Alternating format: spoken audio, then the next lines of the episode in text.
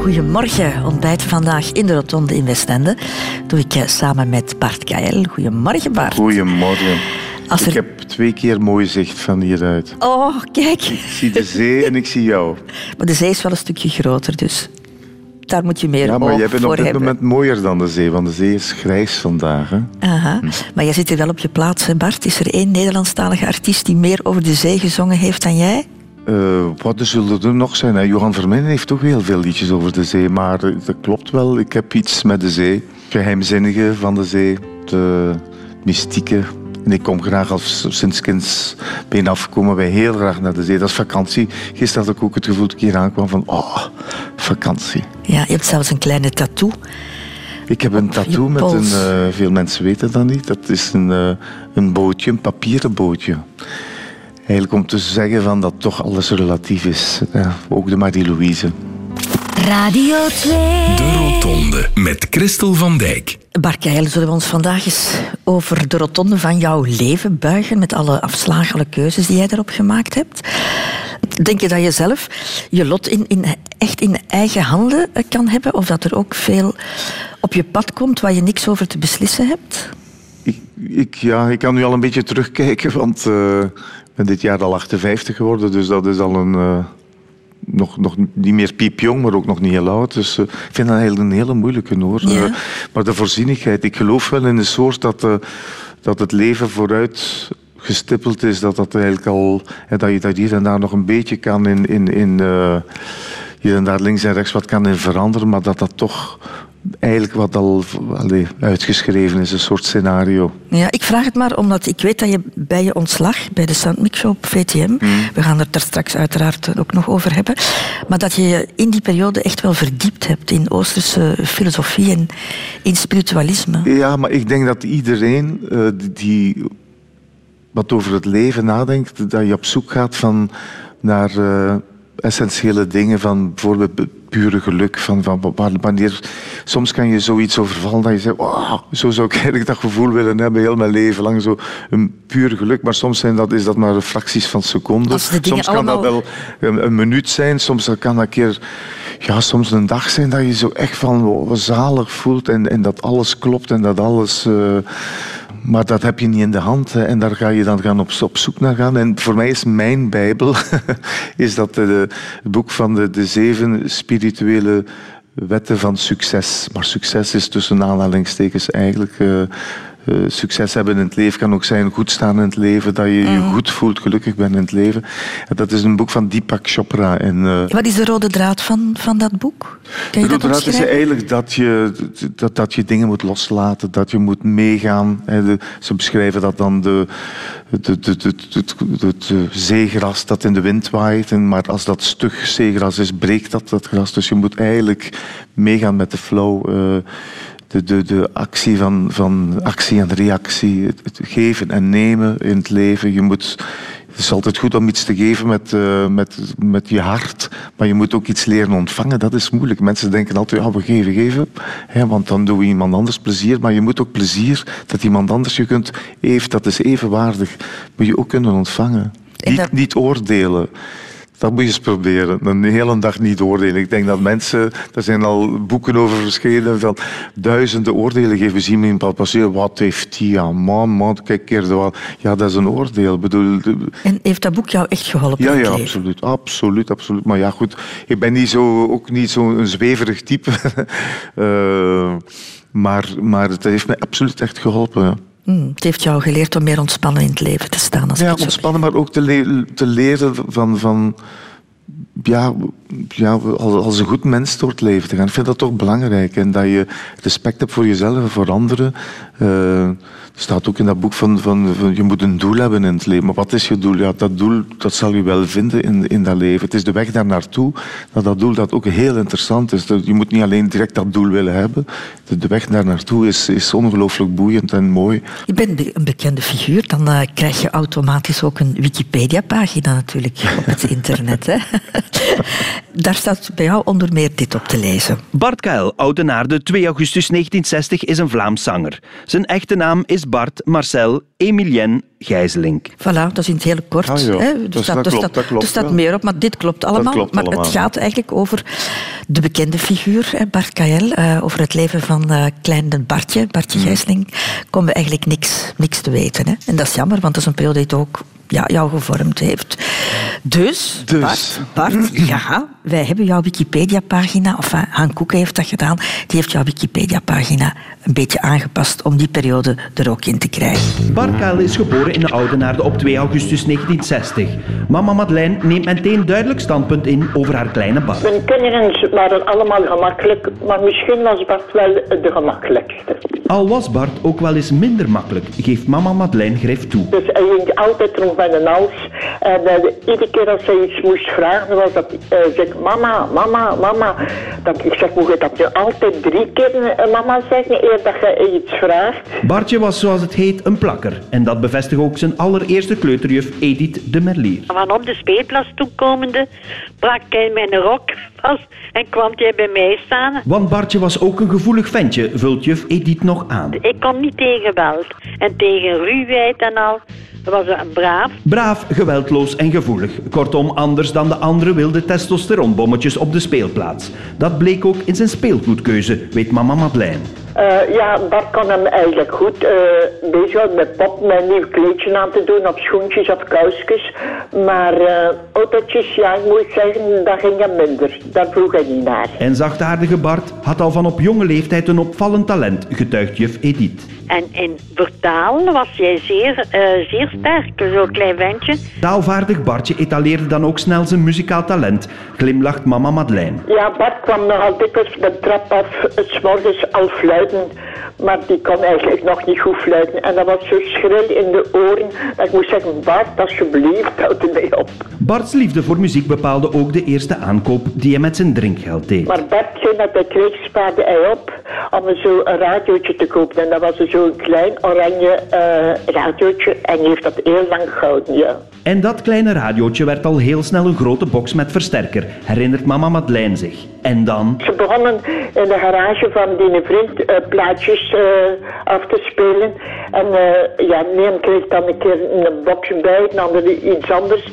En dan duurde dat ze gerief genoeg om trouwfeest te gaan spelen, dus bij, bij vrienden en kennis. Het verbaasde dan ook niemand dat muzikale Bart na het middelbaar een andere studiekeuze zou maken dan de andere jongens in de klas. Hij mocht beginnen aan de Studio Herman Terling in Antwerpen. Manuela van Werde kan zich nog de speltraining met Bart levendig voor de geest halen. En ik denk ehm, dat een van mijn eerste oefeningen daar eh, een plant was. Een plant uitbeelden en dat deed ik samen met Bart. Maar naast het uitbeelden van een Sansevieria beelden ze ook verschillende beroepen uit, vertelt Manuela. Maar ik herinner mij vooral dat wij een koppel charmezangers hadden uitgebeeld. En dat deed Bart met verve. Zo overtuigend dat het hem niet meer los zou laten. En het zijn missie werd om zanger te worden. Fulltime en voor het leven. En zo geschiedde. En de rest is history. Allee. Geestig, hè? Als je Mooi, mooi, mooi. God zeg Manuela, zeg. Dat is lang geleden. Ja. De fuchsia was het dat we moesten fuchsia. uitdelen. Zo die zo, zo de bloem. Radio 2. De Rotonde. Over de afslagen van het leven. De eerste afslag in het leven, Bart Kael, dat is eh, geboren worden in een, eh, in een bepaalde wieg, op een bepaalde plek. Jij bent de jongste van drie kinderen in een klassiek gezin, mag ik het zo omschrijven? Ja, ja. We hebben wel een, we hebben eigenlijk een strenge opvoeding gehad. Want als ik dat nu aan Ma zeg, dat is niet waar. Ik zeg, Ma, we zijn wel heel streng opgevoed, heel kort gehouden. In welke zin? Kan je daar een voorbeeld Ja, van dat, geven? er waren regels in huis. En ehm, mijn, mijn vader was de stucadoor, dus die was 's morgens al heel vroeg weg. Tot, tot, tot zes uur s'avonds kwam hij dan terug thuis. En dan moest het stil zijn thuis, omdat pa moe was. Eh, mijn ma werkte toen in de Kamer van Handel en Nijverheid. Was ze daar eh, secretaris. En, En zij werkte eh, part, part-time. En, eh, en bijvoorbeeld in de vakantie was dat zo van, eh, kijk, in de voormiddag jij gaat dweilen en jij doet de afwas en jij gaat onkruid wieden in, in, in de hof. En je kunt zien dat alles klaar is tegen dat ik terug ben. En dat was dan, dat was dan zo. En in de namiddag mochten we dan bij, bij vriendjes gaan spelen in de vakantie. Maar er was inderdaad, er was discipline. Was jouw moeder de speelfiguur in ja, ja gezin? absoluut, absoluut. Mijn vader was eigenlijk een meer, meer introvert persoon. Ik heb eigenlijk weinig contact gehad met mijn vader. Tot op een bepaalde leeftijd. Ik denk dat hij zelfs toen al gepensioneerd was. Mijn vader was wel zelfstandig, altijd geweest. Maar eh, op een bepaald moment ja, was, was het fysiek te zwaar, is hij dan gestopt ermee. En dan is eigenlijk mijn vader meer gaan openbloeien. Ook het feit dat, eh, dat mijn carrière dan ook al wat liep. En, en dat hij daar ook over aangesproken wordt in de straat of op een café. En dat was hij natuurlijk de vierde pa van, van, van de Bart. En dan, dat heeft hem doen openbloeien. Maar ik herinner mij als kind, eh, dat was, eh, was eigenlijk... Hij zei niet veel, maar hij was wel heel streng. Mm, Heb je dat gemist, een, een, een, aanwezige vaderfiguur? Ehm, ja, eigenlijk wel.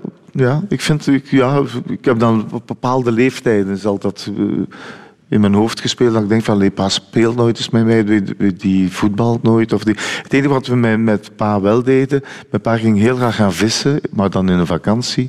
En als we dan... eh, ik herinner mij in, in Amsterdam, in Dienland waren, als ik nog als klein manneke dat ik dat we ook een vislijn moest hebben om naast mijn pa te staan. Maar hij had er eigenlijk weinig geduld voor. Zo. Hij, eh, hij wou geen gezagen, geen, geen, geen lawaai. En, en, en hij, ik zeg toch een beetje introvert eh, persoon was hij. ja. Maar zo te horen aan jouw moeder was jij een mama's kindje. Ja, ja, absoluut. Ja, ja, ja.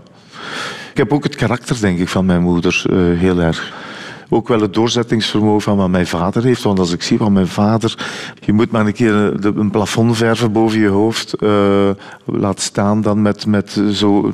Ja, ik weet niet hoe dat die, die dingen heten. Met, met een mortel erop. Die werd op de schouder gedragen. En dan moesten ze de plafonds boven hun hoofd... met, met tientallen kilo's eh, mortel daarop vrijen. Dus- en in de winter met, in gebouwen waar het aan het vriezen was, waar die slecht waren afgesloten. Dus ik kan u vertellen dat dat een heel een beestenwerk was. Dus eh, ik kan, kan mij wel in zijn kop kruipen van dat die man ook eens zei van "Goh, het is eigenlijk wel wat veel. Ja. Ja. Je was de jongste van drie. ja. Had je de indruk dat jij je moest manifesteren in dat gezin als jongste? Ja, ja, weet je, dat was ook nog de tijd van, dat vond ik het ergste, dat je moest kleren overdragen van de grote broer. Ja, dat was in die tijd zo, dat had je nog niet... eh, ja, er werd daar een broek gekocht en dat was die te klein voor mijn broer. Ja, en dan was die dan net gepast voor mij. En dan moest ik die dan verder dragen.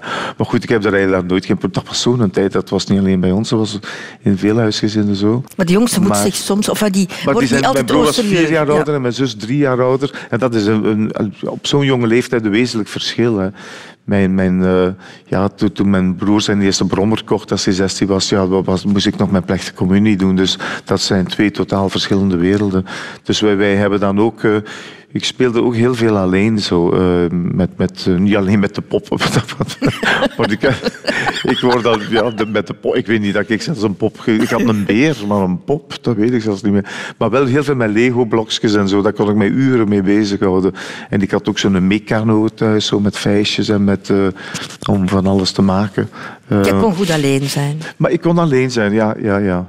En tot op, dan in de puberteit was dat dan wel zo dat ik mij dan te alleen voelde. Dat ik denk, dacht van, god, ik voel mij echt alleen. Maar ja, dat kan ook leeftijdsgebonden zijn. Dat je denkt van, besta hier alleen op de wereld. Is zo? Dat is al een fase. Ja, ik heb zo wel een fase gehad dat ik dacht van, goh... Allee, wat- wat is dat, is dat nu het leven? Zo, ik zat dan alleen op mijn kamer, ik had toen weinig vrienden. Maar ik was ook niet echt communicatief. Ik herinner mij dat ik eh, ooit met eh, de, de christelijke mutualiteiten nog. Dan gingen we naar Heersermeuzen. En dat was dan voor, ik denk, voor 14 dagen. Ik vond dat de vreselijkste tijd uit mijn leven. En ik kreeg daar constant, eh, door diegenen die de leiding hadden, onder mijn voeten, omdat ik altijd alleen liep. En dan had ik alleen, dan dacht van, oké, ik, klamp mij vast aan één, aan één kameraadje. En dan, dan liepen wij met ons twee altijd alleen. Dan kreeg ik terug onder ons voeten. Dus ik, ik kon niet in groepen, en nog altijd niet, ik kan niet in grote groepen overleven, zeg maar. Of ik voel mij absoluut niet, niet eh, comfortabel. Eh, Ik wil voor grote groepen zingen, dat is dan ook het tegenstrijdige. Hoe meer mensen, hoe liever. Dat is toch een soort onzekerheid dat in mij is blijven zitten met eh, grote groepen mensen. De studies. Ik ga jouw moeder nog eens citeren? Ze heeft het nu toch verbrot hè, met die poppen.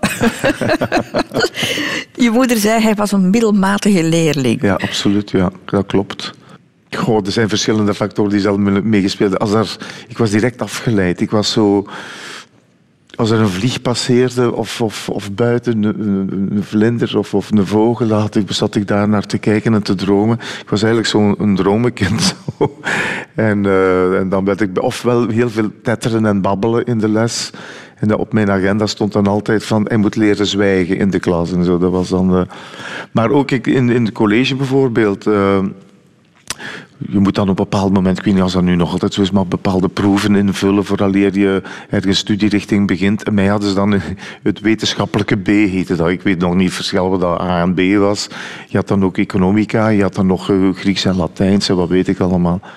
Wetenschappelijke maar richting, wetenschappelijke fysica. Dus, chemie, dus ja. wetenschappelijk heel veel fysica, biologie, maar heel veel wiskunde ook. En dat, laat dat nu zijn, drie dingen zijn die mij nul interesseren. Dat was totaal een miscasting eigenlijk. Hè. Dat was vreselijk. Ik, eh, ik, ik had daar niks mee, ook met die cijfers en met, met die letters. En eh, tot op een bepaald moment dat ik... eh, ehm, op, een vergadering geroepen werd bij zo'n PMS, ik weet niet hoe dat, dat nu heet. Zo, CLB heet dat. Hoe heet dat nu? CLB. Ah ja, oké. Centrum voor Ja, en die Leerlingenbegeleiding. meneer zei, wie heeft u daar, wie heeft u daar ooit in, die, in dat wetenschappelijke vak gezet? En hij zei van, volgend jaar, hij zegt, "Want volgens uw puntendichtvisie gaat jij toch uw jaar niet, niet halen. Eh, gaan we jou naar eh, dingen sturen, naar Sint-Lucas in Gent, naar de plastische kunsten. En gaan we daar jouw eh, middelbare studies laten afmaken. Heb ik ook gedaan, ben ik naar Gent gegaan. En daar Nee, maar je ben- bent toch, je bent toch want al in het vierde jaar heb ik toch gelezen, want ik ken jouw leven denk ik Oh. ondertussen beter dan jij in jouw schoolrapporten. Ja. In het vierde jaar hadden de leerkrachten al twijfels over de plek in die richting. Ah, wel, maar het was in die periode, het was maar dan dat heb jij jaar. toch nog je vijfde jaar gedaan, Bart, en daar ben je dan gebuist. Ja, ja, klopt. Ja, ja. Ik was wel geïnteresseerd, maar ik kon, het niet, ik kon het niet in mijn kop krijgen. Ik herinner mij in de examens, dat is een anekdote. Ik had dan nog bijlessen genomen, want ik was wel gemotiveerd om toch te slagen. Maar ja, als het er niet in gaat, het er niet in die wiskunde. En... ehm, een bepaald moment eh, had Ma gezegd, alleen naar boven en ga studeren, hè, want, want dat je erdoor zit met je wiskunde.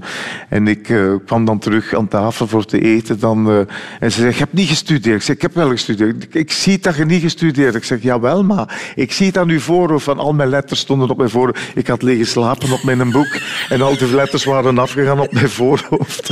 en,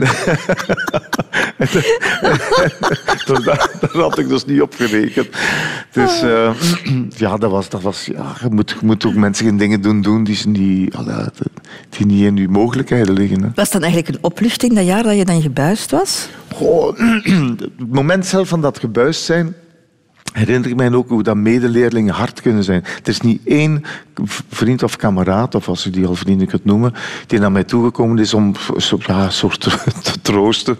Maar ik was al een gevoelig jongen, dus ik was er al gevoelig aan. Er heeft niemand gezegd van, eh, goh, we gaan jou niet meer zien, of, of eh, tot ziens, of alleen wat jammer dat, eh, dat het niet gelukt is voor jou. Of, niemand, nul, nul personen. En dat dacht ik van, ja, en dat leert je al harder hè, in het leven. Dan denk je van, ja, je staat er eigenlijk dan toch alleen voor. Je moet zelf de beslissingen nemen, zelf de keuzes maken. En eh, dat heb ik dan ook gedaan met naar Gent te gaan, naar die Sint-Lucas in de Zwarte Zusterstraat, plastische kunsten. En dat heb ik heel graag gedaan. En daar ben ik helemaal opengebloeid. Ja, ik vond het, vond het leuk. En we hadden dat boetseren, etsen, eh naakt tekenen. kwam dan zo een mev- een mevrouw liggen. Tja, we hebben nooit een man gehad. Dat vind ik nu spijtig dat ik dat bedenk. Maar er was dan een vrouw die daar naakt lag. En in het begin durfde ik dan, moest je dan tekenen, durfde ik dan niet. Zo bedeesd was ik, durfde ik niet kijken. Maar fijn, we hebben, het was heel interessant. Ik, heb dat, ik vond dat een hele goede voorbereiding. Want ik had dan toch in mijn achterhoofd van ik wil zingen. Maar dat is toch ook iets artistiek wat, mij, ja, wat, wat ik graag doe. En dat is een mooie zeg maar, wipplank om naar... eh, om dan later dan die studie aan Manteiling te doen. Ja, en dat was jouw ontbolstering eigenlijk. Dat waren mooie jaren. Ten eerste was dat ook een stad. Het was in Gent. Dat was toch al een grote stad. Ik ging alle dagen met de trein daar naartoe. Ik voelde me helemaal bevrijd, al wat meer zelfstandig. Eh, ja, en, en hele leuke leraren. Veel losser dan... eh, ik herinner mij dat we ooit les kregen van een leraar die, die een plot gaat presenteren. Die zei, pak, mannetjes, pak er de boekjes, want we gaan beginnen aan de les. Hè. Was zalig. Ja, dat was de eerste keer dat ik zo ja, de vrijheid voelde. Hè, want ik, ik ben toch iemand die mij vrijgevochten. Ik vond vrijheid het allerbelangrijkste in het leven. Vrij kunnen zijn, vrij beslissen. Weliswaar links en rechts met dus je oren en ogen open letten om te kijken van wat vind jij, wat vind jij. Maar dan toch zelf uh, de resume maken van kijk, dat is wat, wat ik wil. Kan jij het moment nog voor de geest halen, Bart Kael, dat je besliste van ik ga het podium op, ik word zanger Goh, ik herinner mij dat, dat, ik was dan al vijf, zes jaar, dat ik was, vroeg kwam de pastoor thuis. Dat bestaat allemaal niet meer, zeker, denk ik toch niet. En de pastoor kwam dan zo, ik weet, ik weet niet wat hij kwam doen bij me. Ik had dat een keer moeten vragen. En die kwam dan thuis, ja, een goede dag zeggen, zeker. En ik wist dat dan, en dat was dan een bepaalde dag. En toen ging ik altijd mij verkleden. En ik had dan zelfgemaakte snorren en wenkbrauwen en, en een pruikje. En dan, mijn grootmoeder had dan in wol een pruik gemaakt. En dan had ik en dan, ik verkleedde me altijd iemand anders. En dan uh, moest die pastoor zo lachen. Ja, wie is daar nu? En dan speelde ze dat naar dat kind toe natuurlijk. Van, ja, wie zeide jij? En, en, uh, dus dat zat daar dan toch al in. En ik heb dan kort daarna al begonnen met muzieklessen te volgen. En eigenlijk is dat een soort, ja, een, een drang dat je wilt van, van goh, ik zag dan in de tijd ook eh, Louis Neefs en, en, uh, en Joe Harris en Wiltura zingen. En, in mijn diepste binnen, binnenste ik dacht ik van, oh, dat wil ik, dat wil ik doen, dat wil ik doen. Maar ja, in het begin durfde ik dan, ja, dat was nog niet de tijd van The Voice en van al die programma's. Dat uh, was, ja, dat, dat was, ja, dat stond op niemands lijstje. Hè, zanger kon, kon je dat aan niemand zeggen? Van, nee, eigenlijk niet. Nee, nee, de eerste jaren niet. Nee, aan, zelfs niet aan mijn broer of mijn zus, aan niemand eigenlijk. Maar ik, ik probeerde dan zelf zo wat... Te, ja, bijvoorbeeld die, die muzieklessen dan nemen. Ik ben dan later dan ook, als ik al wat ouder was, in een fanfare gegaan. Ik zat dan ook in, de, in, de, in een zangkoor in, in de kerk. Want ik herinner mij dat ik ooit eh, op een middernachtmis uh, Susanina heb gezongen. Helemaal alleen. Van voor een blond manneke in de kerk. Ik was zeven of acht jaar, heel, heel jong. Uh, heel oude mensen spreken mij daar soms nog over, dat die dat herinnerd hebben. Dat van, ik weet nog dat jij daar... Uh, dus dat, dat je, je probeert dan toch ja, zonder dat je weet naar dat doel af te gaan, zonder dat je dat weet van, ja, je, je hoopt dat en je, ja. en je probeert. En ik zong dat wel met platen mee thuis, links en rechts en zo. Maar het is dan toch bepaald in de puberteit dat ik dan toch tegen mijn moeder heeft gezegd van, van maar kijk, ik wil dan toch ja, dat vak ingaan, ik wil zingen. Oeh, wat kunt van, van wie jij dat? En, kun jij dat? En wat gaat jij dat doen? En gaat jij dat... En uh, op een bepaald moment zeg ik, ja, ik wil dan toch... Uh, dan naar die Herman Teiling gaan. En toen zei ze, ja, je doet wat je wilt, hè, maar als het niet lukt, moet je niet afkomen, hè, zei ze. Je kende Luc toen al, hè? heeft hij jou ja, ook, Luc al, maar Luc heeft mij want ik wist nog niet eens dat Herman Teiling bestond. En daar heb ik dan ook ja, die, die, die, die disciplines bij geleerd gekregen. Ik wist niet dat zanglessen dat dat bestond, of bewegingslessen. Of al die, ja, dat, dat weet je helemaal niks van. Hè. Mhm, je moet daar een zwaar ingangsexamen doen, hè? Dat heb ik gedaan. Dan, eh, ik herinner me dat Luc mij daar ook heeft bijgeholpen. Dat was dan een tekst van Jos Gijzen, uh, die je moest voorlezen. Uh, dat was dan nog een, nog, een, nog een andere tekst. Ik moest dan ook een liedje zingen. Ik herinner me dat ik toen een liedje gezongen heb van...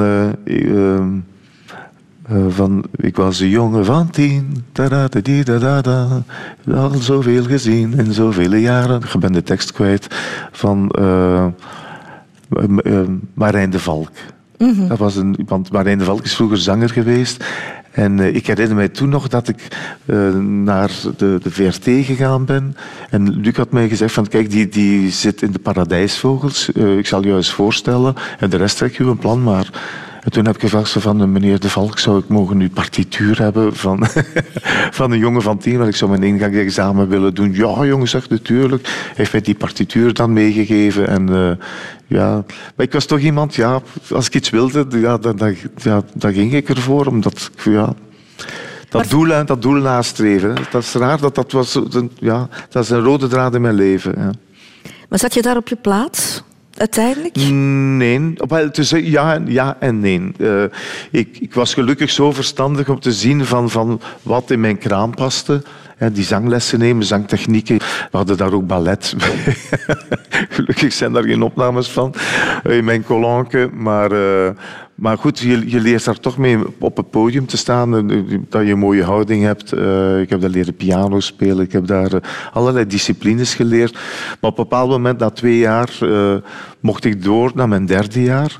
En toen had de directeur, ik herinner mij nog van Schoris, heb ik zo Ja, die punten die zijn wel goed, maar zou jij niet beter al discus maken? Of hoe weten die dingen? En toen keek je naar Denise de Weers. Allee, Denise, hoe weten die dingen? Wat dingen? Jawel, die discus. De platen direct. Ja, platen. Zou jij niet beter van die platen maken? Ik zeg, meneer directeur, ik, zeg, ik ga inderdaad platen maken. Ik zeg, u gaat van mij geen last meer hebben. Ik heb de deur achter mij dichtgetrokken.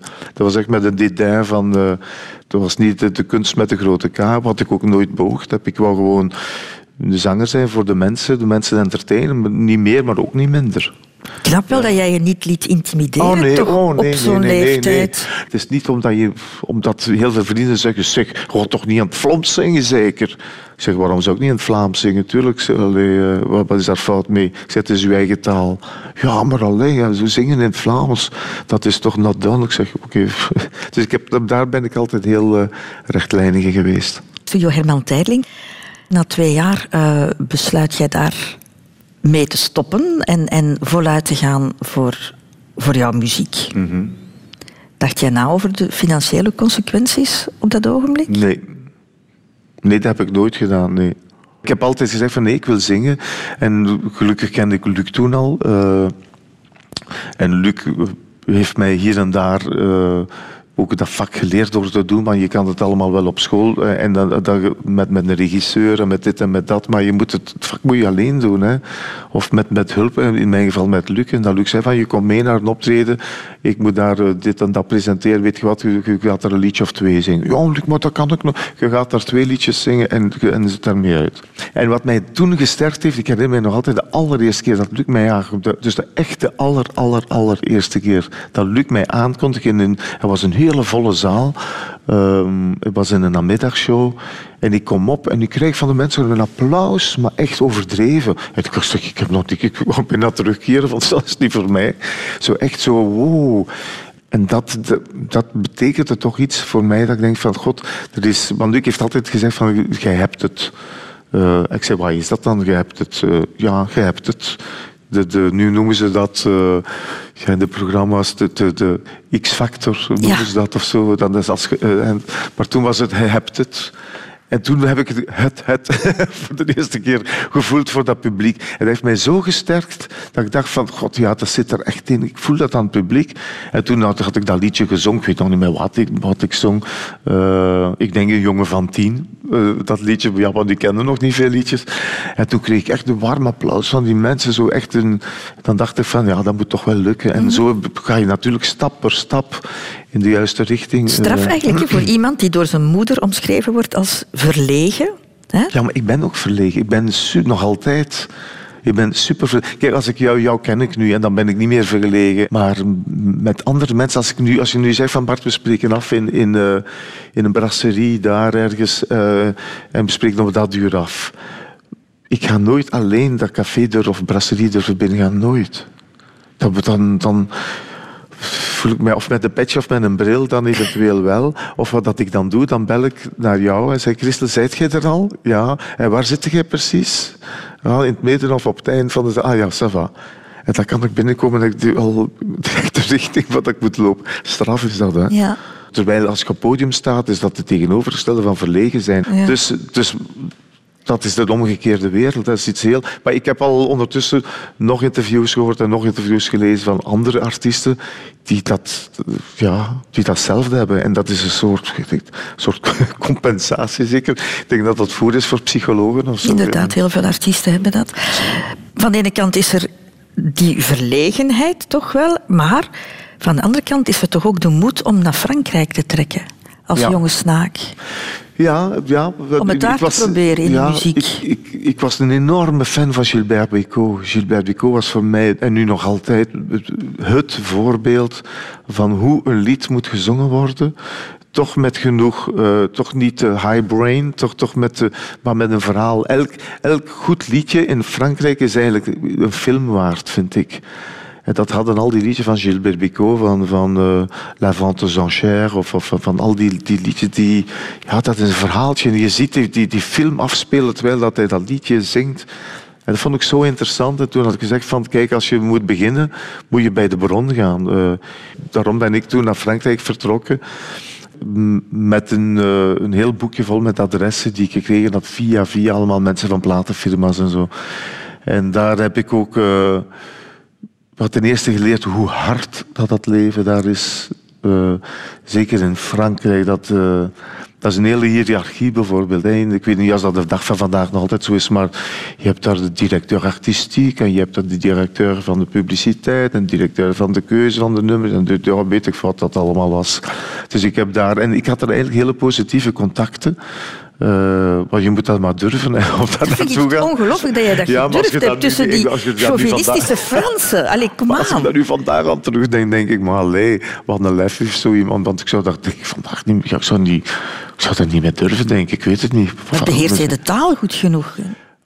Ja, ik, ik sprak graag Frans. Ik had, eh, ik had wel... eh, ja, ik was altijd... Ik zong ook die Franse liedjes mee en zo. Dus dat heeft dat ook wel geholpen. En ik ben altijd de Franse taal... Ja, ik heb dat altijd een heel mooie taal. Ook voor te zingen. Ik vind een hele warme taal. eh, eh, makkelijker om te zingen eigenlijk dan, dan het Nederlands. Maar het was ook in diezelfde periode dat ik toen teruggebeld werd eh, door de toenmalige BRT om te vragen om mee te doen aan Eurosong. En dan dacht ik van, goh, wat moet ik nu doen? Dat was dan weer een keuze maken. Blijf ik hier in Frankrijk of ga ik... eh, Ik zeg, ga toch maar het zekerste voor het onzekere nemen. Ben ik dan teruggegaan. Dat was 83 en dan heb ik dan symfonie. eh, dat was het jaar van Pas de Deux. En toen was, eh, ja, kreeg ik werk en veel werk. Dan dacht, dat ik dacht van, allee, maar ik zei, dat zal wel eens stoppen en dan ga ik terug naar Parijs. En ja, het, is, het, is, het, is- het heeft nooit meer gestopt. Ja, Is dat Ja, jammer? Goh. Ik vind het geen gemiste kans, hè, maar ik, vind, vind, ik ben ook blij dat ik het gedaan heb. Dat je niet achteraf kan zeggen van... Verdomme, dat had ik dat nu toch maar gedaan. Ik, soms vraag ik me wel af, wat ik nu verder gedaan? Wat was het dan geweest? Maar ja, dan, eh, dan was het waarschijnlijk hier niks geweest. Dus het is altijd iets natuurlijk. De Rotonde. Bart Kael, we gaan niet heel jouw eh, carrière overlopen. Maar feit is dat je in 86 jouw echt grote hit had, La Mamadora. Begin van een hele reeks. Beginjaren van VTM ook. En dan word jij gevraagd om te presenteren hè, op VTM. Mini-playback show, Rad van Fortuin en dan de Soundmix show. Ja. Zingen, dat kon je, daar was je zeker van. Maar dit was wel weer iets helemaal anders. Hè? Presenteren, ja, maar je mag niet vergeten dat eh, ook helemaal in mijn beginperiode, dat, ik, dat Luc mij als al een liedje liet zingen op een optreden bij me, heeft Luc ook toen gezegd van, eh, ik ga even een kwartiertje weg, jij presenteert hier verder. Ik zeg, helemaal in paniek, maar Luc, allee, je kunt dat niet, eh, ik kan ik dat niet, en je kunt je dat wel, allee, doe maar. Je hebt toch gezien hoe dat ik het doe, doet jij hem nu maar verder. Dus zo heeft Luc mij voor de, voor de leven gegooid. En natuurlijk, in het begin was dat moeizaam. Maar, maar Luc heeft mij met mij... Ik heb ook veel presentaties gedaan vroeger. Voordat ik... In ook de periode dat ik... eh, eh, nog niet zo gekend was, dat ik... eh, ja, ik moest Dat ook iets verdienen. en zo ja. Ik heb ook kindershows gedaan. Ik heb eh, ja, hier en daar dingen aan elkaar gepraat. Om, om, eh, dus ik had daar wel een beetje notie van. En het is ook een feit, als je gaat optreden... Ik ben zo iemand die... die, die eh, sommige mensen vergelijken mij soms al een beetje met een stand-up comedian. Zo, omdat ik heel veel binteksten heb met, met humor in. eh, om de liedjes aan elkaar te praten. Hè, tussen de liedjes door. Dus dat is eigenlijk ook een soort van presentatie. En, en ja, toen Mike Verdreng mij belde, want ik herinner mij nog als het gisteren was, dat hij van Bart, ik zou heel graag hebben dat je eens komt auditie doen voor de Soundmix Show, want ik denk dat jij de geschikte persoon daarvoor bent. En zeg je meteen ja als nieuwe dingen jou aangeboden worden? Ik heb van Luc geleerd, je moet altijd op alles zeggen ja en dan komt maar.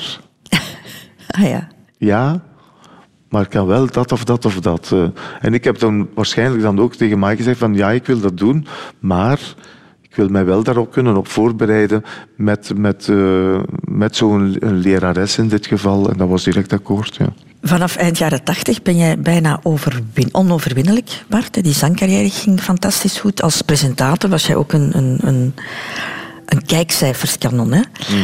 Als je daar nu zo op terugkijkt, wat doet dat met een mens?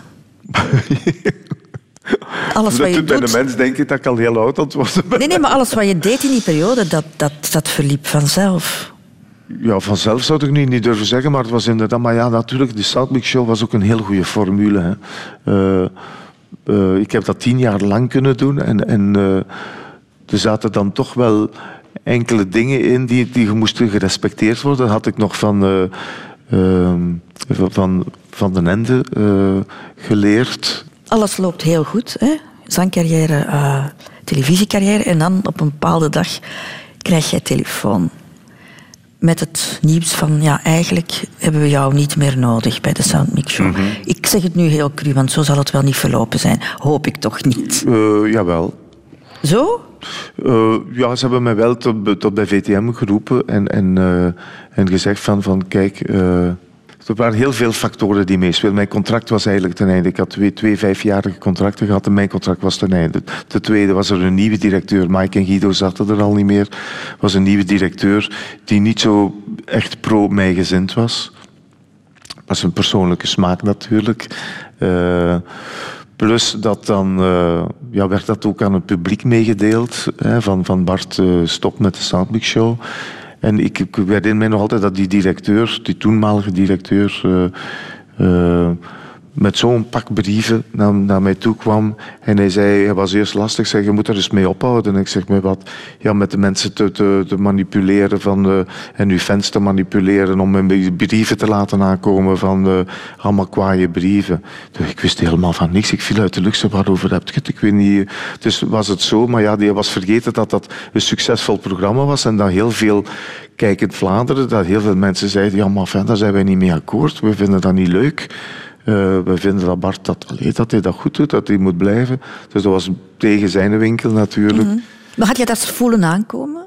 Eh, goh, eigenlijk een beetje wel, want, want ik had toen ook een, een eh, ik ga hem nu geen namen noemen, maar een tv-manager aangenomen, omdat ik vond dat ik daar zelf moeilijk kon gaan over onder, onderhandelen.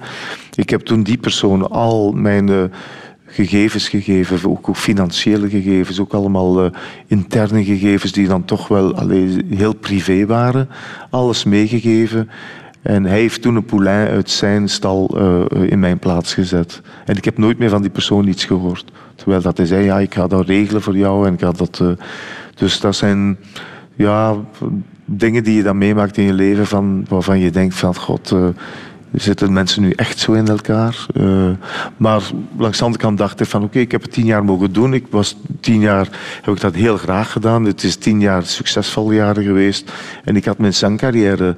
Dus voor mij was het belangrijk dat, eh, dat ik niet in een zwart gat viel, maar eh, ik kon blijven zingen. Dus, dus ik, ik, maar het is, ja... Mensen zijn rare, rare wezens soms. Niet allemaal, hè, maar sommigen.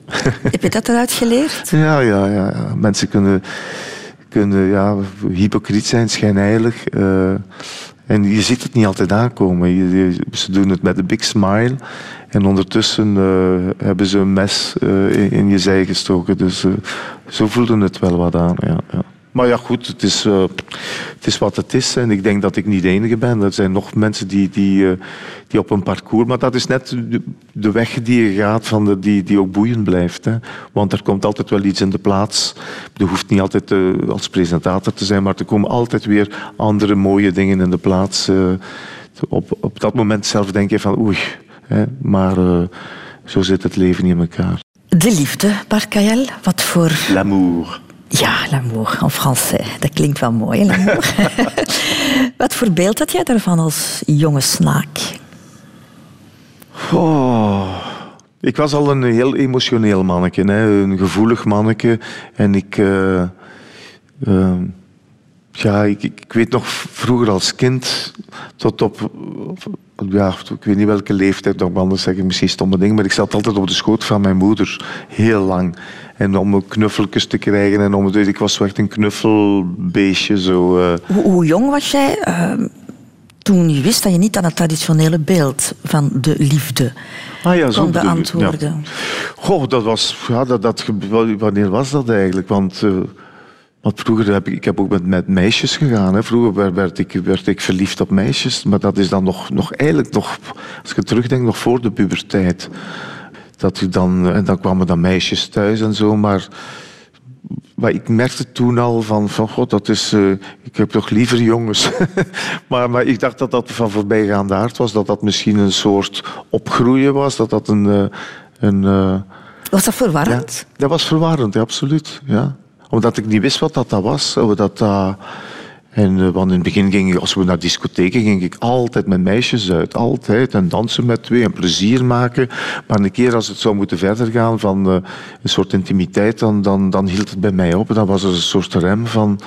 Ja, nee, dat, dat, dat is nu net hetgeen wat ik nu niet leuk vind. Al de rest wel. En, en lachen en gibberen en, en zingen en dansen en eh, uitgaan. Maar dat, eh, de intimiteit was, was er nooit. En om, Maar ja, wist jij dat dat bestond? Jongens die aangetrokken werden tot, tot, tot jongens. Ja, ik. Ja... Ik ben, ben me luid op aan het afvragen hoe dat, dat daar op de duur wel, en in de puberteit wel. En dan, dan weet je van, ja, van, van je hebt hetero's en je hebt homo's. Maar ik geloof nooit van, ik vind dat ook hokjes denken. Nog op, tot op de dag van vandaag zijn mensen van, ofwel ben je homo ofwel ben je hetero. Maar daartussenin, daar is niks. Ja, dat bestaat toch niet. Er zijn ook mensen die, eh, ja, dan noemen ze dat bi. Ja, bestaat dat echt of niet? Of, of, of die wat tussen bi en hetero zitten, of tussen bi en homo of zo. Dat is een heel, al ja, zeg maar van, van 0 tot 100, waar iedereen wel zijn bepaald percentage in heeft. Daar, daar geloof ik wel in. Dat, eh, dus ik denk dat in iedereen wel eh, in min of meer mate een beetje van de twee schuilt. Misschien heel weinig van het een en veel van het ander, maar ook soms ja, bijna eh, mensen die zowel op, op jongens of op meisjes verliefd kunnen worden. Ik geloof dat echt, eh, dat bestaat ook. Dus dat is geen... Maar nu kunnen wij daar heel goed over praten. Hè. We zijn er nu ook over bezig, maar we zijn ongeveer even oud, Bart. We schelen één jaar, we komen allebei uit een dorp. Dat was... Hoe Toen moet was ik het zeggen? dan. In- Zeker in een dorp, in een stad, was men misschien iets eh, milder in, in oordeel daarover, maar in een dorp kon men maar daar zeer werd hard dat ook niet over zo direct uitgesproken. Hè? Nee. Dat ook tegen mijn ouders niet. In het begin was dat zo... Alhoewel dat ik zeker ben dat, dat moeders dat wel voelen. Want ik herinner mij dat ik dat vroeger... eh dan ging ik met ma en pa wel een keer mee op zaterdag. Ja, zo, ik mocht nog niet uitgaan. Mee op café. Of op was dat de zondag. En dan, eh, ja, na de voetbal. En het was voetbal geweest in Nedereenam. Dan mocht ik eens mee. En dan ik mijn mooi pak aan. En mijn haar gedaan. En wat parfum op en al. Dus ik denk, als je nu een ma bent. En je ziet nu kleine die, daar, eh, die zich zo op, op, op is. Dan denkt hij dan toch wel, denk ik, van... eh, ja, zou daar geen vlieg op zitten? Denkt u dat niet? Alleen als ma moet dat toch. Dus ik denk dat moeders wel, wel die natuur hebben om dat aan te voelen. Maar dat is, ja, op de duur is dat zo geëvolueerd dat dat dan wel uitgesproken wordt. Dan, eh, maar ja, dan ben je ook ouder en heb je al een, eh, relatie en zo. Hè. Nu, jouw moeder, jouw moeder heeft veel verteld. Hè. Jouw moeder eh, heeft, eh, ja, toen jij 17 was, aan jou gezegd van, ben jij zo? Hè? En jij hebt toen gezegd, nee. Maar ja, dat klopt. Dat klopt, omdat uh, zegt nu dat is niet waar. Alles van vroeger is dat is niet waar. Ik zeg, maar dat is wel waar. Ik heb dat ooit gezegd van, jij zegt toch zo niet, hè? En toen zeg ik, ja, ik zeg, als hij daar nog niet mee om kan. Ik zeg, nee, maar... Maar ja, later is ze dan toch, heb ik gezegd, zeg, maar, weet je dat toch? Ja, tuurlijk weet ik dat, heb ik dat geweten. Maar ja, ja op dat moment, ja, waar ik dacht van, wat gaan de mensen zeggen? Maar zie je, dat, daar gaat het om. En eigenlijk gaat het om uh, een moeder en haar zoon. En ik vind dat de moeder of een vader voor de zoon één ding moet wensen, dat is geluk. Net zoals de zoon dat ook voor de maandenpa uh, wenst. Mm. En, en wat de mensen of de buur of de boven of de onderbuur daarvan zeggen, dat zal mijn worst wezen. Van, uh, die zullen ook wel een bezonjes hebben, hè, die mensen. Dus, uh, maar dat heeft ze dan ook wat snel en goed begrepen. En mijn vader, mijn vader, mijn vader heeft er eigenlijk nooit twee woorden over gezegd, maar die wist dat en die, die aanvaarde dat. Zat jij die periode goed in je vel? Heeft, heeft jou dat... Ik heb daar eigenlijk nooit geen last van gehad, dat is echt waar. Ik heb... Ja, dat, ik heb zo het idee dat dat mij zo, dat dat zo ja, mij overkwam. En, en ik ging daarin mee, in de flow. Zo met, uh, ja, ik, ik, heb daar, ik heb dan vriendjes gehad vroeger en zo. En dat, dat, uh, dat was allemaal geen probleem. Uh, ik ben wel nooit iemand geweest die heel expressief was op dat gebied. Of die, die dat ging gaan showen. Of kijk, ik heb een vriendje en dan hand in hand. Of, of kussend. Of, uh, of met, uh, met heel speciale kleren dan, dan uitdagend gaan provoceren. Of zo. Dat heb ik toen nooit gedaan. Het zit ook niet in mij, ik ook nooit doen. Je was nog vrij jong hè, toen je besefte dat jij je aangetrokken voelde tot, tot jongens. Hè? Maar nu gaan we het echt over de liefde de echte liefde. Want dat was ook de echte liefde. Dat was de echte liefde, maar je moest dat voor jezelf eerst aanvaarden en ja, ja, een plaats ja, geven. En, en, en toen dat allemaal voorbij was, Bart, ben je dan echt op zoek gegaan naar de liefde? Eigenlijk niet, nee, nooit. Ik, ik ging eigenlijk weinig uit, want ik was een goede DJ. Want ik had heel veel werk. Ik ging heel veel uh, vuiven gaan, gaan uh, muziek draaien en, en uh, huwelijksfeesten. Dus bijna elk weekend was ik weg. Dus ik had eigenlijk geen, geen tijd om, om, om daar tijd voor. En misschien nog niet direct ook... De, de, de, interesse was waarschijnlijk. Dus dat, dat, dat, dat was ik niet mee bezig. Tot op de dag dat ik in de Haan aan de Zee als jobstudent, en toen was ik 18, dat ik uh, daar een frank wilde bijverdienen voor op de reis te kunnen gaan naar Griekenland. En dan heb ik. En daar heb ik Luc dan ontmoet. Maar had je voor jezelf een, een, een idee van dit is het soort relatie dat ik wil? Dacht je meteen in, in termen van een langdurige relatie? op 18 jaar, daar was ik eigenlijk, ik was daar eerlijk gezegd nog niet mee nee? bezig. Ik was er nog niet rijp voor, denk ik, voor een relatie om, of om mij vast te settelen. Nee, ik was toch bezig van, god, ik wil zingen en ik wil uh, leuk. Maar je was dus niet het vlindertype dat op elk bloempje oh, nee, zie, zie ik het zo? een vlinderke, nee, nee, nee, nee. Ik was, nee ik, was, ik was eigenlijk een brave jongen. En ik denk als er al iemand naar mij keek, dat ik dan ook dat de verlegenheid speelde dan ook wel weer een rol mee. Want uh, eigenlijk was ik blij toen ik Luc heb leren kennen dat, dat ik heel dat, die cinema niet moet meemaken. ja, maar ja, maar ja, met, met, met tranen van dien en, met, met, uh, en dan terug af en dan weer iemand anders er terug gedaan. Oh, ik moet het niet weten. Liefdesverdriet is, is, is, jou, is jouw vreemd. is mij eigenlijk bespaard ja. gebleven. Hij was een stuk ouder dan jij natuurlijk, Luc. En dan ook nog bekend. Ja, dat, dat, dat was een beetje dubbel in het begin voor mij. Van, van, van ja wie zie ik nu graag? Hè? En wil ik toch geen, geen opportunist zijn in die relatie? Want dat wilde ik absoluut niet. Dus ik wilde echt dat, dat wij voor elkaar kozen, voor wie we waren. Wat bedoel je, opportunist? Uh, ja, om, ik zou ook, ook met Luc kunnen gaan zeggen van, god, dat kan mijn carrière vooruitbrengen. Zou ik geen, geen eerlijke deal gevonden hebben. Hè? Maar ik was echt, ik vond Luc een heel boeiend, intrigerend man. En dat bleek dan ook als we de eerste keer hebben afgesproken. Dan samen dan, uh, hadden we een hele goede babbel. En er was direct een klik. Zo, je kan dat hebben hè, met mensen dat... En, en, ja, dat je echt een klik hebt. Was het meteen een evenwaardige relatie?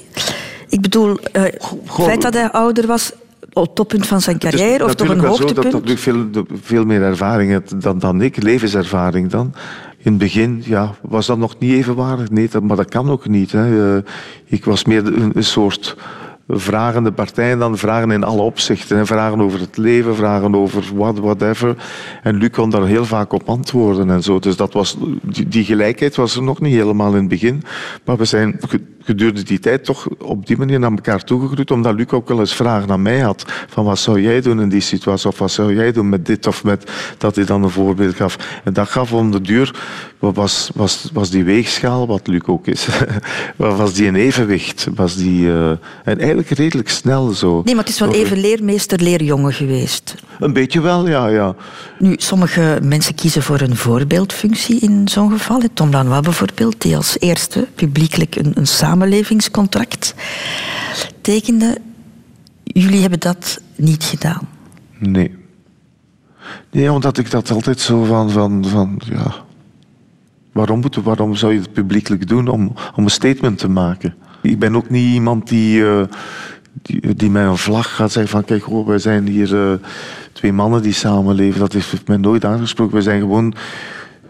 Ik, ik, ik vind dat altijd zo overdreven soms. Uh, ik vind liefde tussen twee mensen, is dat nu een man of een vrouw, of twee vrouwen of twee mannen, ik vind dat, ik vind dat niet belangrijk. Ik vind het belangrijk dat die twee mensen gelukkig zijn, dat ze samen goed kunnen leven, dat ze, dat ze elkaar aanvullen, dat, daar, dat, daar, uh, ja, dat het liefdevol is, dat het, dat het geluk vooraan staat. Dat vind ik, dat vind ik belangrijk mm -hmm. tussen twee mensen. Maar misschien maken jullie op jullie eigen manier wel een, een, een soort van statement. Want ik kan me voorstellen, enfin, het is ook zo dat heel veel mensen nog de gedachte hebben dat uh, holibies uh, een meer wisselend liefdesleven hebben. Hè?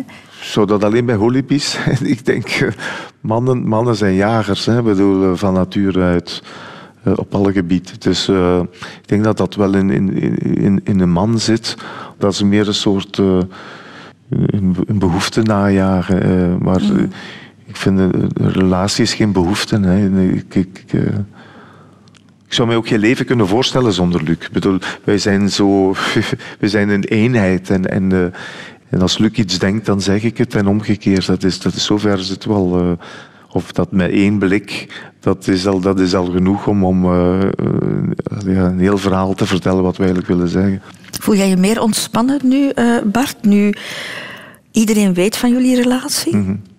Maar ik wil dat nog, nog, nog even zeggen van, van... Je moet weten, toen, we zijn nu dit jaar 40 jaar samen. Dus in het begin van onze relatie hebben wij samen beslist van, van wat gaan we nu doen naar het publiek toe. Want die vraag gaat ooit komen van, eh, van vallen jullie op mannen of niet? Eh, en toen hebben we samen besloten, er was toen nog geen internet, er was, het was een totaal andere tijd. Toen we gezegd van, ja maar jij bent presentator, ik ben zanger. Ik vind dat mensen daar geen zaken mee hebben. Als ik zeg, als ik naar een, een beenhouwer ga, vraag ik ook niet van eh, dat meisje daar, hebben we er al iets mee gehad, die ook achter de toog staat van, eh, je, allee, je zou nogal rap dat mes naar je, naar u gericht krijgen, denk ik. Dus je, je doet dat niet, in feite. Maar ja, goed, sinds dat internet er is, is de wereld zo gigantisch veranderd in een snel tempo, dat we ook zeiden van, wat, ja, wat, wat, wat, wat belang heeft het? eh, dus als de mensen willen weten, so what. Ik vind ook dat jullie carrière een nieuwe boost gekregen heeft. Daardoor. Tja.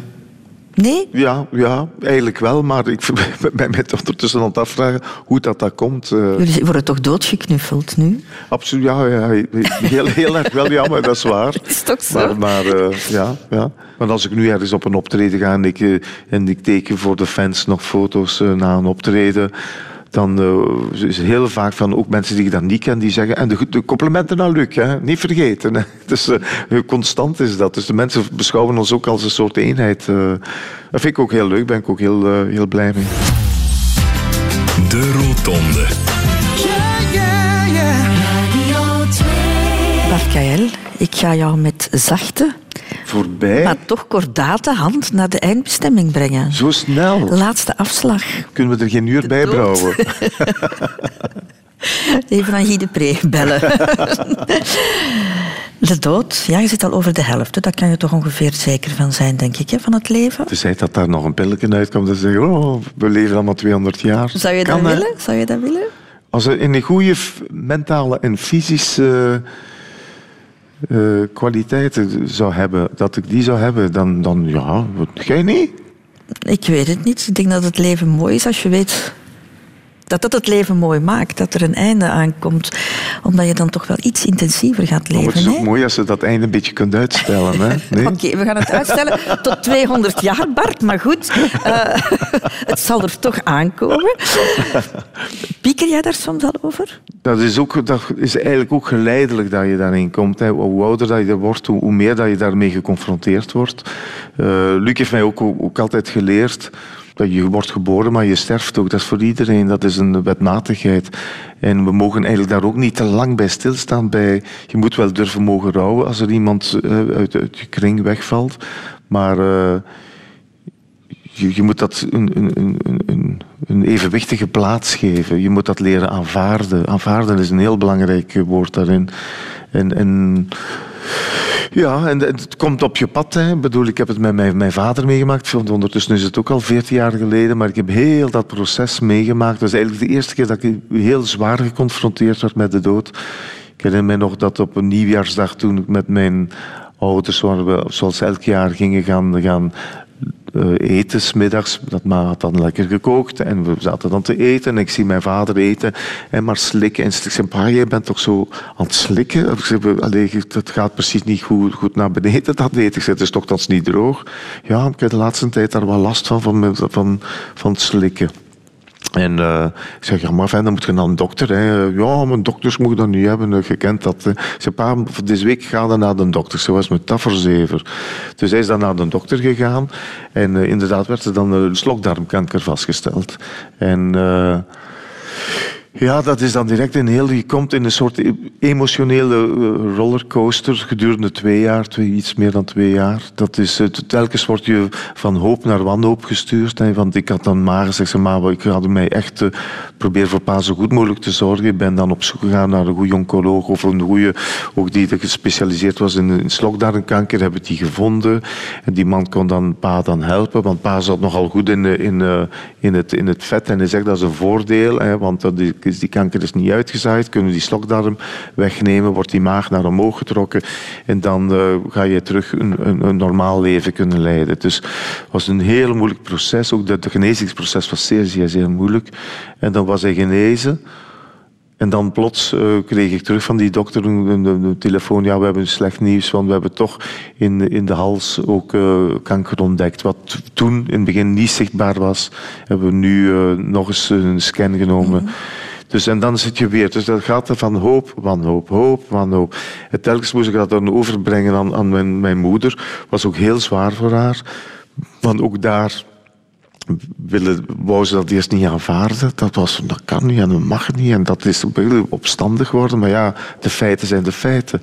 En dat heb ik dan gezien van hoe, hoe, hoe, hoe dat, dat zit. En, en, en, en, je moet ook, vind ik, bij de dood alles in verhouding houden. Want mensen gaan ook vaak, als iemand sterft, dan zijn precies heiligen die sterven. Maar je moet dat in, in zijn juistheid, in zijn realiteit kunnen... Be, be, en de, de, mooie kanten, maar ook de minder goede kanten op zeggen van... Kijk, oh, dat is zijn leven geweest. Mm -hmm. Een mooi leven, hard leven of, of weet ik veel. Dat is voor iedereen verschillend.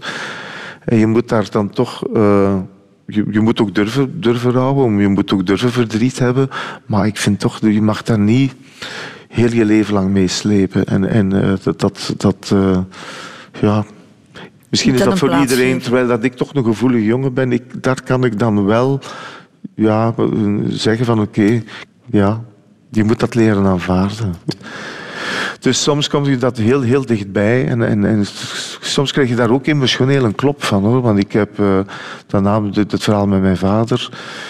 Uh, heb ik dan tinnitus gekregen, dan, dan in een depressie gesukkeld gehad. Door, maar ja, wat was er eerst? Die depressie, die tinnitus, was het met verhaal met mijn vader, was het overwerkt, was het... Weet je, het zijn zoveel vragen die je hebt van, van, die allemaal oorzaken kunnen zijn om, om in die situatie terecht te komen. En gelukkig met veel babbelen en met een psychologische hulp heb, ben ik daar heel goed uitgeraakt. En uh, ben ik van mijn tinnitus af. En ben ik, maar het heeft mij ook veel geleerd over het leven. Van, ja, leven gaat voorbij, passeert. Uh. Maar dus na jouw vader ben jij in een moeilijke periode gekomen. Te ja, veel. absoluut. Ja. Ja. Te, te, te veel. Te, ik denk, als je lichaam uh, te veel belast wordt, en dat is niet alleen fysisch, hè, maar ook, ook mentaal, zegt je lichaam op een bepaald moment stop. Nu hebben we rood licht en dat wordt pas groen als wij het zeggen en niet als jij het zegt. Want, want jij zorgt niet goed voor je mentale gezondheid en je fysische gezondheid. En dat rode licht dat blijft tot als het je lichaam... Dat, en dat is volgens mij depressie. Is eigenlijk een ziekte, want mensen denken van... Mensen kwamen dan naar mij toe en zeg, jij moet nogal depressief zijn, je hebt alles. Zo, en dan zeg je, meneer, dat heeft daar niks mee te maken. Het heeft niks met alles hebben. Je moet van mij alles hebben. Ik zeg, voor mij gaat het om een mentale gezondheid. Dat je terug happy voelt. Geen angsten meer. Geen, ik, zou, ik, ik weende in elke hoek. Dat ik zat in onze kamer. Van, gewoon ook niet weten waarom. Gewoon puur van, van, van ellende. Van, van, uh... En dat, is, ja, dat, dat zijn fases die je door moet in je leven. En, en, uh, en ik zeg, via een psycholoog ben ik daaruit geraakt. En, en uh, en leer ik nu ook meer uh, signalen te, te, te, herkennen van uh, als je erover gaat van oh, een beetje gas terugnemen, want uh, mm -hmm. je lichaam en je geest komt op de eerste plaats en dan de rest. maar dat is niet gemakkelijk, evenwicht te houden.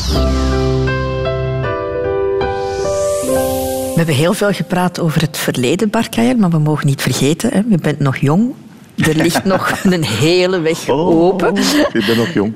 Maar zullen we het eens even dichtbij houden? Mm -hmm. Wat ons betreft, volgende week vrijdag de première van jullie theatertournee. Jij samen met Luc. Ik samen met Luc gaan we door heel Vlaanderen in uh, alwel culturele centra brengen we ons programma. Een programma dat we zelf hebben geschreven over ons leven, over ons professioneel leven, intiem leven. En daarom heet het programma ook Intiem, maar ook één team. Mm -hmm. En um, volgende week vrijdag is het de première. En ik weet niet of ik dat kan zien, dat ik gestrest ben. Je hebt het me verteld, ja, dat je gestrest oh my bent. God. We treden echt uit onze comfortzone. Ik heb Luc nog nooit stress, met stress gezien, maar de laatste tijd is hij zeer gestrest. We zijn bijna alle dagen aan het repeteren. De, teksten moeten goed volgen. De liedjes die ik zing, die, die ja, moeten ook gerepeteerd worden. Want er zijn heel veel liedjes die ik zing die, die ik jaren niet heb gezongen, maar die toch pareltjes zijn. Soms zijn er zo ja, dingen bij die, die, die vergeten zijn. Hè, en die eigenlijk Ja, het ja. waard zijn om, om eh, en zeker misschien nog meer dan de hits, om ze te zingen. Dus het wordt een, eh, een heel leuk eh, spektakel samen. En ik denk, denk een keer als die première weg is of voorbij is, dat dan... dat we dan meer relaxed zullen zijn en dat dan, dat het, ja, dan, dan, dan loopt dat wel. Maar het is die, die weg daar naartoe. En, want soms heb ik al gevloekt en denk van waar ben ik in godsnaam aan begonnen? Kon ik niet gewoon mijn optredens doen en dan in een soort routine zitten. Maar eh, ook hier eh, ja, kruipen we of klimmen we uit onze comfortzone even naar, naar, iets, naar het onbekende. Maar eh, Ja. dat kan ook misschien mooi zijn. Ja, maar zo heb ik jou leren kennen vanochtend, eh Bart. Is het waar? Je mag jezelf wel een timide en jongen vinden, gevoelig, dat ben je ook allemaal. Maar je bent wel zeer vastberaden en vastbesloten als het over dat ene doel gaat, jouw, jouw Ja. job en het podium. En dat is wel heel dat mooi. Dat je vast, hebt, hebt je vastgebeten en je door niks of niemand hebt laten Ja, imponeren. ja, ik denk dat dat ook maar de enige manier is. Je moet vastberaden zijn, anders komt er niks van in huis. Zo is het. Het was fijn ontbijten met jou, Bart. Het was, dat was eh, ja, we- absoluut wederzijds. Ook met jou met heel de ploeg hier, hè. fantastisch. Hè. Nog één ding voor je hier het, eh, het mooie pand mag verlaten. En dat is het, het gastenboek. Wil jij daar iets in schrijven? Ja. Lieve Christel, wat is het heerlijk om vertroeteld te worden door drie lieve en mooie vrouwen in de rotonde. Een goed en warm gesprek met de zee als decor. Mijn leven flitst hier voorbij en hopelijk mag er later nog een flink stuk bij komen. Dikke zoen en een hartelijke knuffel van Bart KL. En PS, de volgende keer kook ik en leg ik jullie in de watten.